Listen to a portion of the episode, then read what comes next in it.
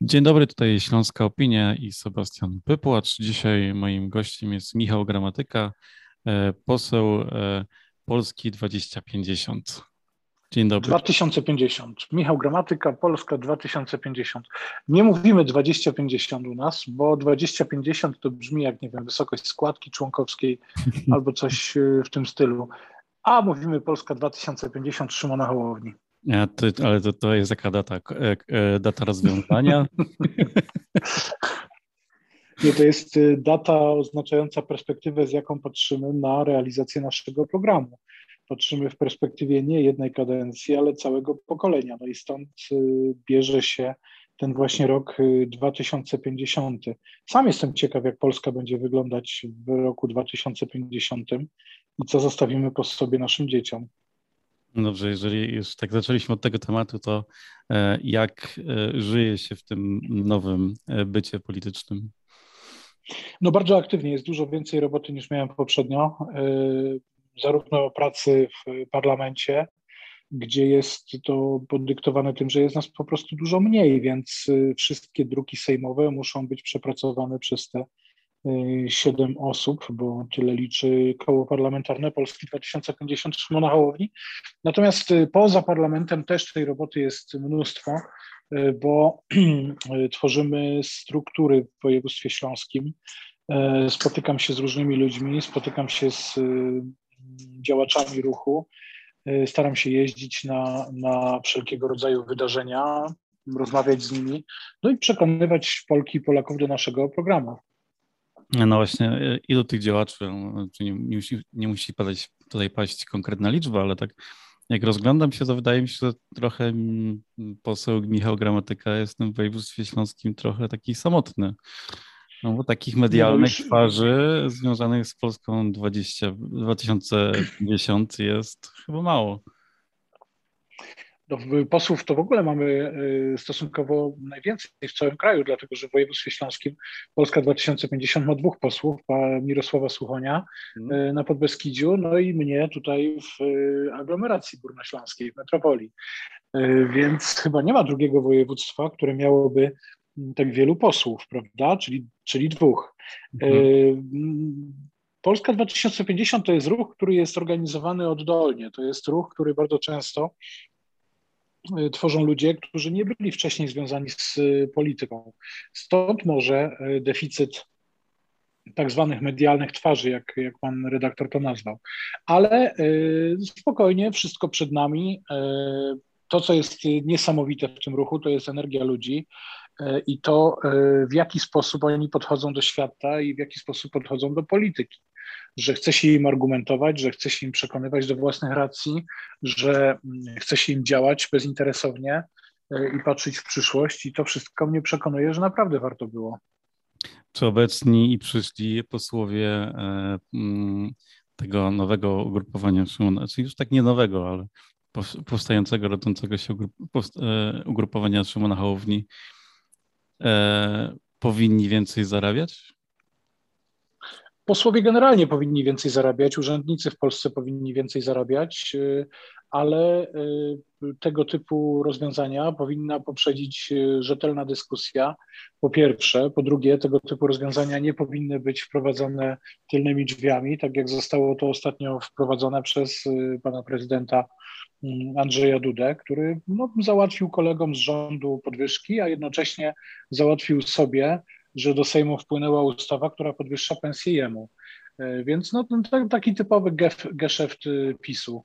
E, ręka rękę myje, tylnymi drzwiami wprowadzamy podwyżki, a potem e, zostawiamy polityków sam na sam z tym pasztetem i czekamy, aż się będą w tym pasztecie smażyć. Typowe dla PiSu. No i chyba tym razem opozycja nie dała się wpuścić w malinę, jak kilka miesięcy temu, kiedy podobny projekt e, trafił, ale już e, wtedy do Sejmu. No bo e, ja również rok temu zagłosowałem za, za ustawą, która zwiększa uposażenia parlamentarzystów, czy ministrów, czy wiceministrów, bo to chodzi również o, o, o członków rządu, ale z reakcji społecznej, którą wtedy odnotowałem i z tych, tej tony żalu, którą usłyszałem od ludzi, y, to, to mnie nauczyło, że to po prostu ani nie jest czas, ani miejsce na tego, na tego typu dyskusje. A tutaj proszę bardzo, kolejne wakacje. Pan prezydent nie waha się, tylko wrzuca taki właśnie temat. I to tak naprawdę bez jakiejkolwiek możliwości decyzji ze strony parlamentarzystów. Czy za pół roku będziemy mogli sobie łączyć telewizję i obejrzeć e, fakty w TVN-ie? No, oby tak było. Mam nadzieję, że PiS y, nie posunie się do tego, żeby, e, żeby przeprowadzić to swoje słynne Lex TVN. E, wolne media, niezależne media, media niezależne od polityków są gwarancją każdej demokracji, nie tylko naszej.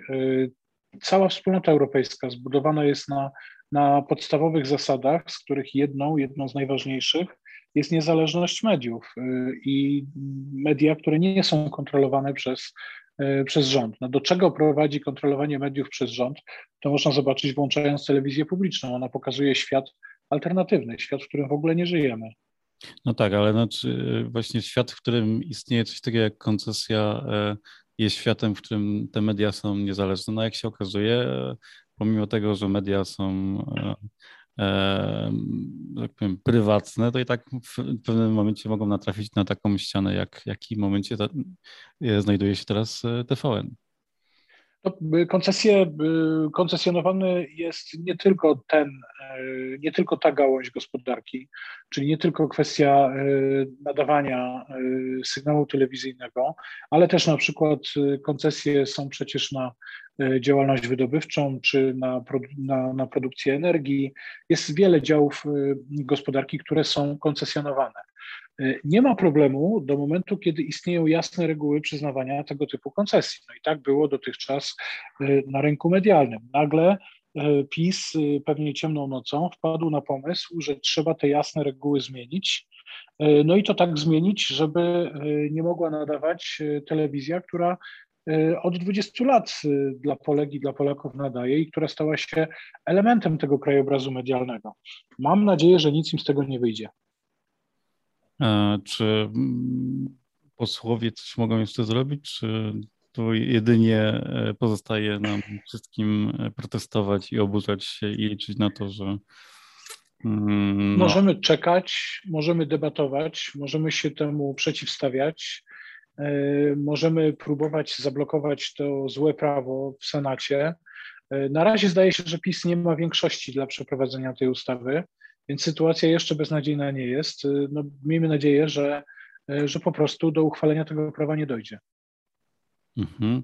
E, jeszcze jedna taka bardzo bieżąca sprawa, właściwie z kilku godzin e, w weekend w Katowicach e, wydarzyła się bardzo dramatyczna, e, e, dramatyczne zdarzenie, ale właściwie to trochę nie o nim, ale o tym, co wydarzyło się kilka godzin temu. Nie wiem, czy już dotarła ta informacja, ale po, po sieci krąży zdjęcie wykonane zapewne przez techników albo policji, albo mm, mm, jakichś innych inne osoby, które pracowały przy tym, przy miejscu tego zdarzenia, czy tego e, wypadku, e, czy no, zdarzenia chyba jest tutaj najlepszym określeniem i, i po sieci krąży zdjęcie ofiary.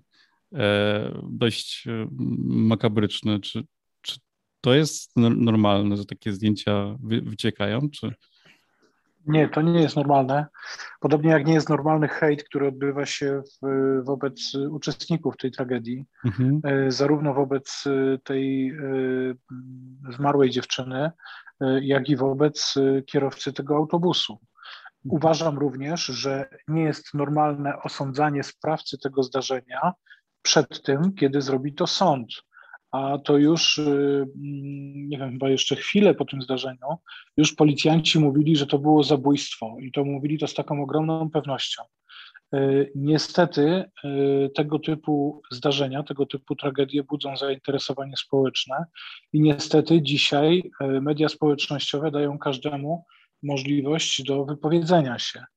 Mm, ja bym poczekał z oceną tego zdarzenia do momentu decyzji sądu. Dopiero wtedy powinniśmy na ten temat y, rozmawiać. Oczywiście cała sytuacja jest bulwersująca Ja również oglądałem nagranie z tego wypadku, z tego zdarzenia.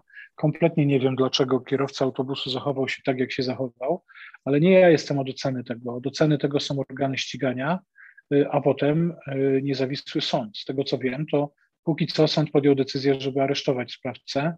Mm, miejmy nadzieję, że doczeka się sprawiedliwego procesu.